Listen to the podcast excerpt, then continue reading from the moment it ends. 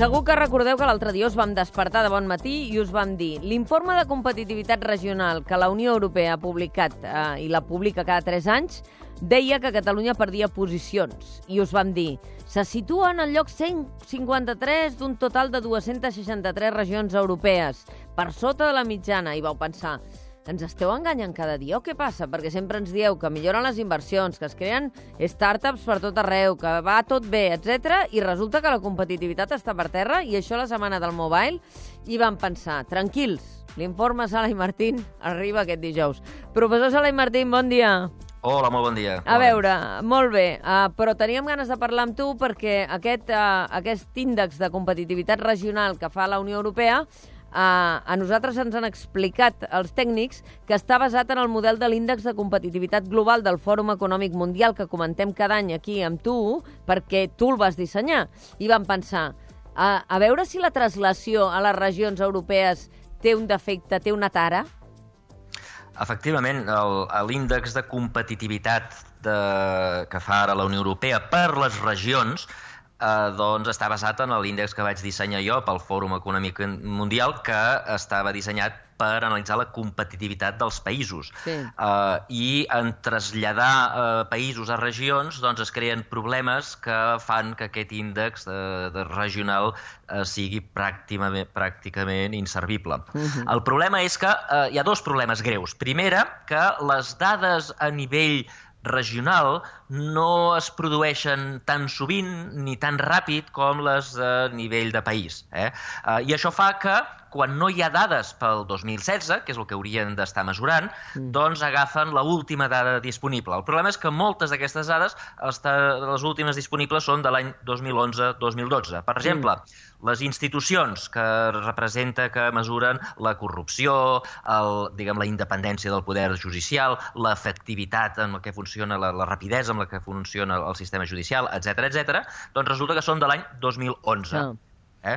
La macroeconomia, les dades que fan servir aquesta gent són des, del 2012. La macroeconomia, eh? la inflació, el dèficit, eh, dades de 2012.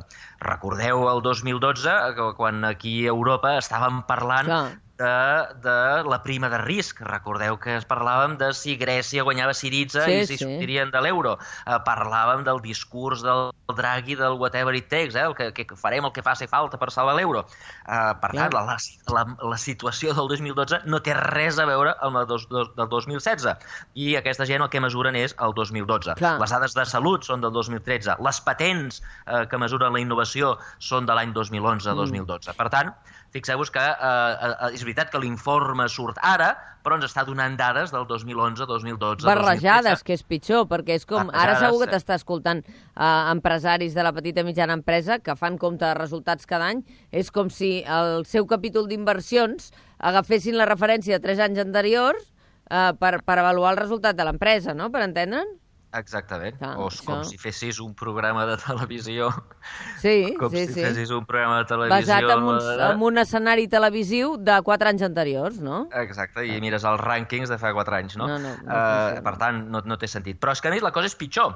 La cosa és pitjor perquè... Uh, diguem, a vegades aquestes dades regionals no és que surtin amb retard, sinó que no surten, és a dir, no existeixen. Ah. I el que fan és que, eh, doncs, quan no hi ha dades a nivell regional, assignen a cada regió dins d'un país sí. les dades del país. Mm. Per exemple, en educació bàsica agafen l'informe PISA, miren el rànquing de cada, de, de, del país, d'Espanya, i posen el mateix número a totes les regions espanyoles. Sí, sí. Uh, a, la, a la macroeconomia fan exactament el mateix. A la disponibilitat tecnològica també. És a dir, tots sabem que Barcelona gairebé tota la ciutat està connectada amb fibra òptica, eh, és a dir, eh, internet ràpid, eh, cosa que no passa a Espanya, de fet no passa ni tan sols a la resta de Catalunya, però el que fan és posen el número, la mitjana de tota Espanya i l'assignen a tothom. Eh, clar, Encara i aleshores que compta que a Catalunya eh, aquesta variable, aquesta, aquest índex li surt baix, clar. Li surt baix. Ah, per tant, ah. surten les dades amb retard i ben bé no sabem què volen dir, eh, també les dades de corrupció. Eh? Les dades de corrupció són, corrupció, eh, són, són dades de tota Espanya que s'assignen a, a totes les regions per igual. Eh? Mm. Uh, és igual si la corrupció és a Catalunya, és a València o és a Madrid. És igual, totes tenen el mateix número. Jo el que diria és que aquest informe el podem no llançar a les escombraries perquè no ens dona informació per, per, diguem, per avaluar uh, si les polítiques econòmiques que, que s'han portat a terme funcionen, eh, perquè estem avaluant el que va passar fa 5 anys, sí, 6 sí. anys, i, uh, per tant, com a guia per saber si les coses estan anant bé o no estan anant bé, doncs no, no ens serveix. Eh? Per tant, uh, jo l'ignoraria uh, en la seva integritat. A veure si hem d'ignorar això altre, també. Bill Gates, el fundador de Microsoft, ha plantejat que els robots cotitzin a la seguretat social en una entrevista que ha concedit a Quartz. Uh, una idea que també té sobre la taula la Comissió Europea, en van parlar fa uns dies d'aquesta qüestió. L'Eurocambra ha aprovat una resolució perquè l'executiu comunitari reguli sobre la robòtica i la intel·ligència artificial. I la fiscalitat sobre els robots uh, és una d'aquestes qüestions. Creus que s'ha tornat boig Bill Gates o que realment hi haurà un moment en què sí que haurem de fiscalitzar l'activitat dels robots econòmicament n'haurem de treure partit? S'ha tornat mig boig. Mig eh? boig. Uh, és a dir, ell diu que com que els robots i la intel·ligència artificial substituiran els sers humans i, diguem, el, els humans perdran llocs de treball, aleshores uh, hem de eh, recaptar impostos d'aquests robots i amb aquests diners ajudar els, eh, els sers humans que, que quedaran allà tancats en un armari sense fer res, diguéssim, no? Exacte. Per subsidis, uh, sí. diguéssim. Exactament jo crec que la, la primera part d'aquesta declaració és estar equivocada. Eh? Uh, sempre, sempre, des de que hi ha canvi tecnològic i, i, i nosaltres el coneixem, hi ha hagut economistes que han dit que la, el canvi tecnològic el, el que farà és provocar atur, és a dir, eh, substituirà màquines per sers, sers humans per màquines. A la revolució industrial podem mm. veure els grans economistes de l'època com John Stuart Mill, eh, David Ricardo, eh, Thomas Mortimer, eh, ja deien que eh, la, diguem, la revolució industrial faria que els artesans perdessin el lloc de treball, això faria que les màquines eh, fessin tot el tèxtil i que tota aquesta gent que ara treballava doncs s'aniria a l'atur i seria un gran desastre i per tant s'havia d'ajudar en aquests que, en, diguem, els, els nous aturats.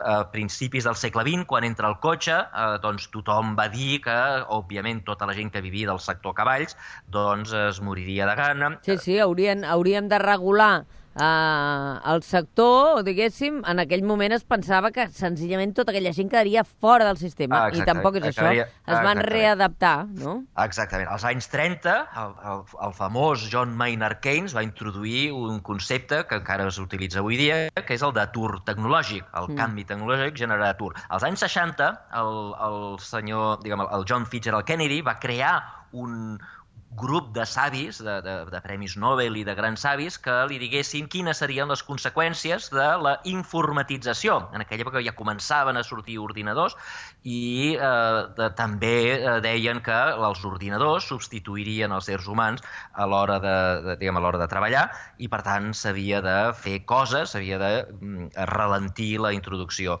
d'aquestes tecnologies. Fixa que en tots aquests casos no va ser cert que l'atur va pujar en cap d'aquests casos. Mm.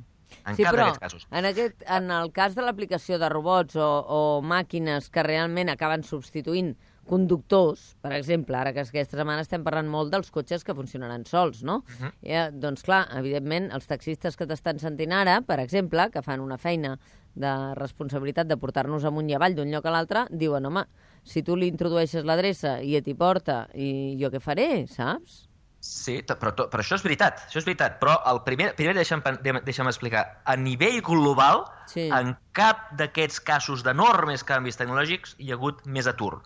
És més, sempre es tenia, tenia por de que hi hauria un sector de la gent que acabaria eh, tenint menys feina eh, i va resultar ser, ser, ser fals. Mm. És a dir, en el sector tèxtil, eh, quan la, la revolució industrial comença eh, amb el sector tèxtil, no? Eh, a l'any 1910 el 98% de la feina del sector tèxtil ho feien les màquines.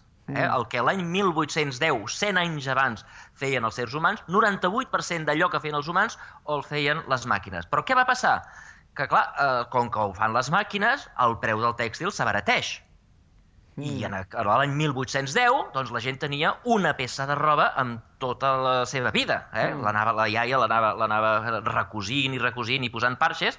Eh, clar, el 1910 la gent tenia 10 vegades més roba. I clar. ara ja no et dic, ara la gent té armaris, armaris, armaris, armaris de roba. És a dir, que com que el preu de la cosa va baixar, la gent va fer servir tanta més roba que al final hi havia més treballadors tèxtils que no pas a l'any 1810.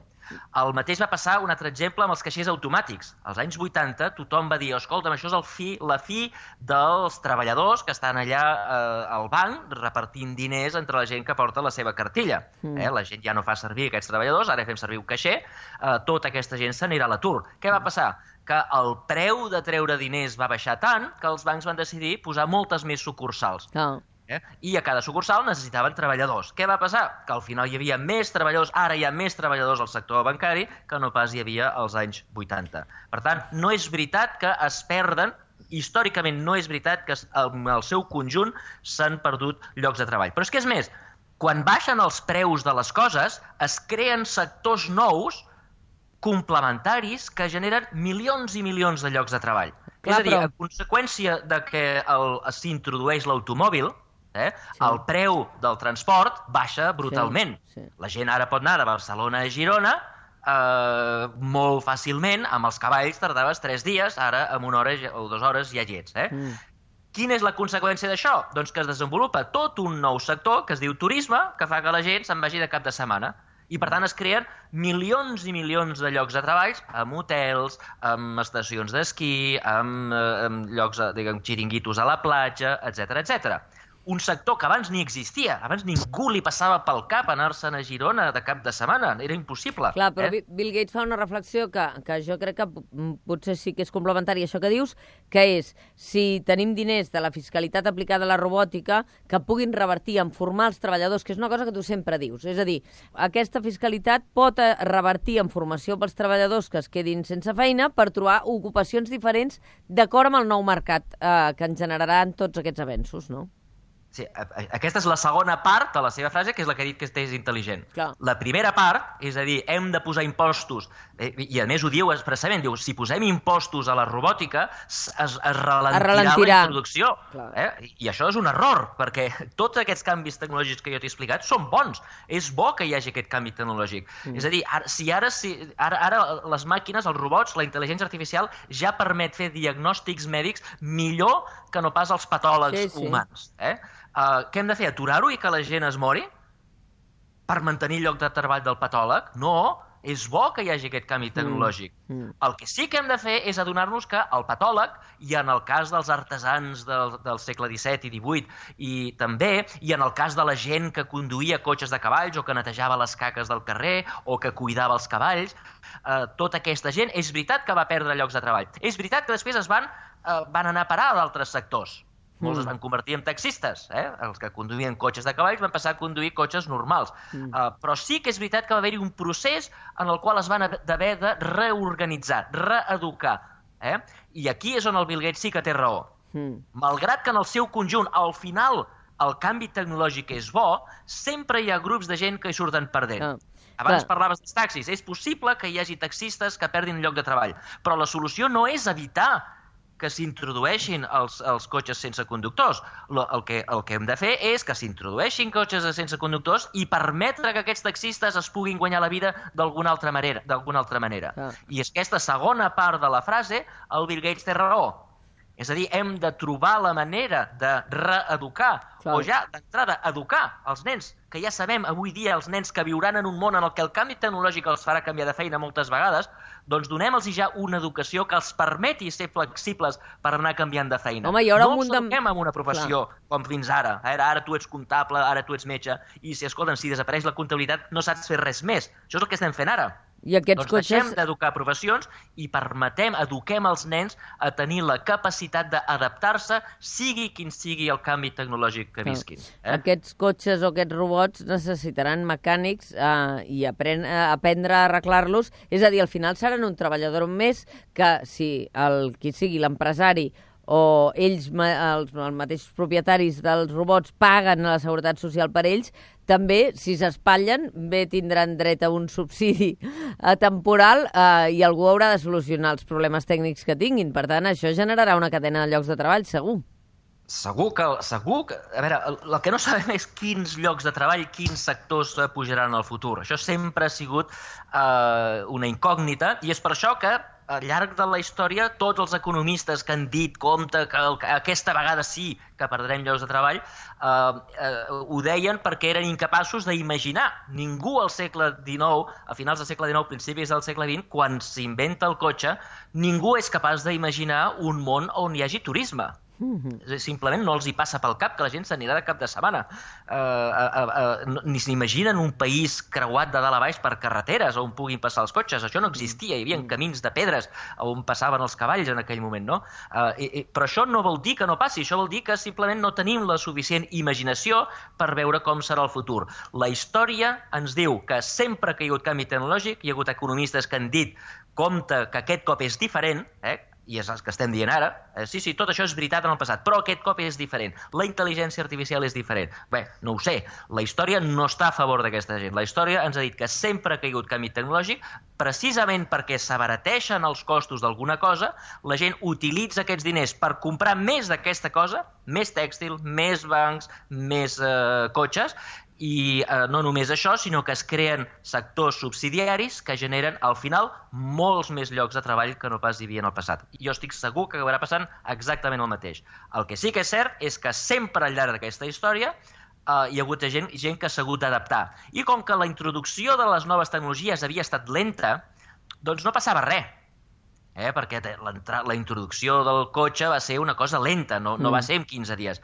El problema de la, de la, de la situació actual és la velocitat. Mm. Eh? Fa, fa 5 anys no existia Uber, fa 10 anys no teníem iPhone, no existia. Mm. Recordeu, o sigui, el món està canviant a una velocitat enorme. Per tant, els canvis que necessitem que la gent faci, eh, el, el, el, el canvi de feina que han de fer la gent que perd el lloc de treball, ho han de fer de manera rapidíssima. Mm. I és per això que és molt important que des del govern se'ls ajudi. Ara, se'ls ha d'ajudar no a base d'aturar eh, la introducció de la robòtica. Això seria un gravíssim error. Per tant, creus que seria un error gravar els robots d'entrada? Primer seria un error, sí, primer seria un error. Seria bo que eh, s'ajudés a la gent que perd la feina, és, és a dir, és la nostra obligació ètica ajudar-los a que trobin una nova feina, a educar-los de la manera que cal, uh, però és que a més hi ha un problema pràctic, que una mica ja l'has assenyalat tu. Eh? Uh, com es posa un impost a un robot? Mm. O sigui, això de l'impost al robot no existeix. Però l'empresari que té els robots. Tants Exacte. robots, tant, uh, tants treballadors, Exacte. tants robots, diguéssim, eh? Exactament. Perquè al final... Exactament. Exactament, però fixa't que això és un impost als beneficis. Mm. Això ja ho tenim. Eh? Això s'anomena impost de societats. Sí, això ja sí. existeix. Al robot no li pots posar. Tu li pots dir, escolta'm, si gràcies al robot aquesta empresa té tants beneficis, li fotrem un impost als beneficis. Molt bé, això, això no és una cosa nova. No, però, per exemple, de la mateixa manera que l'empresari et paga la seguretat social, no? doncs l'empresari pagarà la seguretat social pel robot i aquesta compensació anirà a patar els serveis que necessitarem Però a la resta. Però robots? Què és un robot? Què és un robot? Una màquina que substitueix un lloc de treball, clar. Mm. Ah, llavors, llavors parlem de màquines que la substitueixen llocs de treball. Clar. Una, una d'elles s'anomena PC. Mm -hmm. Clar, no, està clar. Està clar. Amb, és molt complexa, software, és molt complexa. Amb el software del Bill Gates. Sí, sí, sí, sí. Per què el Bill Gates no va dir això als anys 70 o 80 o 90 quan va sortir el seu, el seu, el seu, uh, els seus programes? Bona, bona, eh? sí. És a dir, eh, hi ha molta gent, moltes secretàries. Jo, quan vaig començar a treballar a la universitat, jo tenia secretària. Mm. Eh? Perquè en aquells moments tot just començaven els ordinadors, encara no hi havia Word, eh, i jo tenia una secretària doncs, que feia les cartes i que feia les coses. Jo li dictava, eh? quan jo escrivia un article, la, la secretària, eh, diguem, eh, jo, jo li dictava i ella ho escrivia a màquina, jo ho revisava a mà, llavors ella ho tornava Aquella a escriure imatge tan, tan d'antes, eh? Xavier, Exacte. aquella imatge I aleshores, aleshores què va passar? Que va sortir Microsoft Word, per cert... I et va solucionar la vida. Eh, I la secretària va perdre el lloc de treball. Sí, sí. Per, li, li hem de posar un impost al Bill Gates per això? Mm. O només a les màquines que tenen forma d'home? Eh? Jo crec que el Bill Gates es confon, perquè quan parla de robots... Eh, es com pensa que en l'antropomòrfia, amb, amb, els, amb els robots Exacte. antropomòrfics. Exacte, sí. però si pensem Per això t'hi preguntat jo què és un robot. Si és qualsevol cosa que fa que un humà perdi un lloc de treball, mm. hem de començar pel Microsoft Word. Mm. És a dir, que tregui la cartera el senyor Bill Gates i que comenci a pagar per tots els llocs de treball que, eh, que ha substituït la seva sí, sí. La, la, la seu programa. Això seria molt injust, eh? insisteixo, perquè gràcies a Word és veritat que moltes secretàries han perdut llocs de treball, però fixeu-vos que moltíssims de nosaltres ens guanyem la vida gràcies a Word i gràcies als ordinadors. I podem ser més productius precisament perquè tenim les eines tecnològiques que ens faciliten de millorar la nostra competitivitat gràcies a això, és evident. Exactament, exactament. És a dir, que gràcies al senyor Bill Gates s'han creat milions, centenars de milions de llocs de treball a tot el món i molts llocs de treball són molt més eficients gràcies a ell. Eh? Però si només mirem les secretàries que han perdut llocs de treball i fem, li fem pagar a ell per aquestes secretàries, fixa't que eh, a lo millor ell hagués, ell hagués dit, escolta, saps què? A mi el, això de Windows no m'interessa i hagués deixat d'introduir aquesta nova tecnologia, cosa que hagués estat un error i hagués estat mm, dolent per la humanitat. Et deixo en el perquè... Fons, ha estat molt positiu. Uh, fixar-nos només amb la gent que perd el lloc de treball sense tenir en compte tota la gent que el guanya per altres bandes, crec que seria un error. De fet, és l'error que mencionava al principi d'aquest programa. M'està trucant el Bill Gates, m'està trucant el Bill Gates per donar-te record, Xavier Salem Martín. Molt oportunes aquestes dues reflexions. Xavier Salem Martín, moltes gràcies. Moltes gràcies Torna a tu. els teus robots, els teus robots. Que vagi bé. Adéu. Adéu.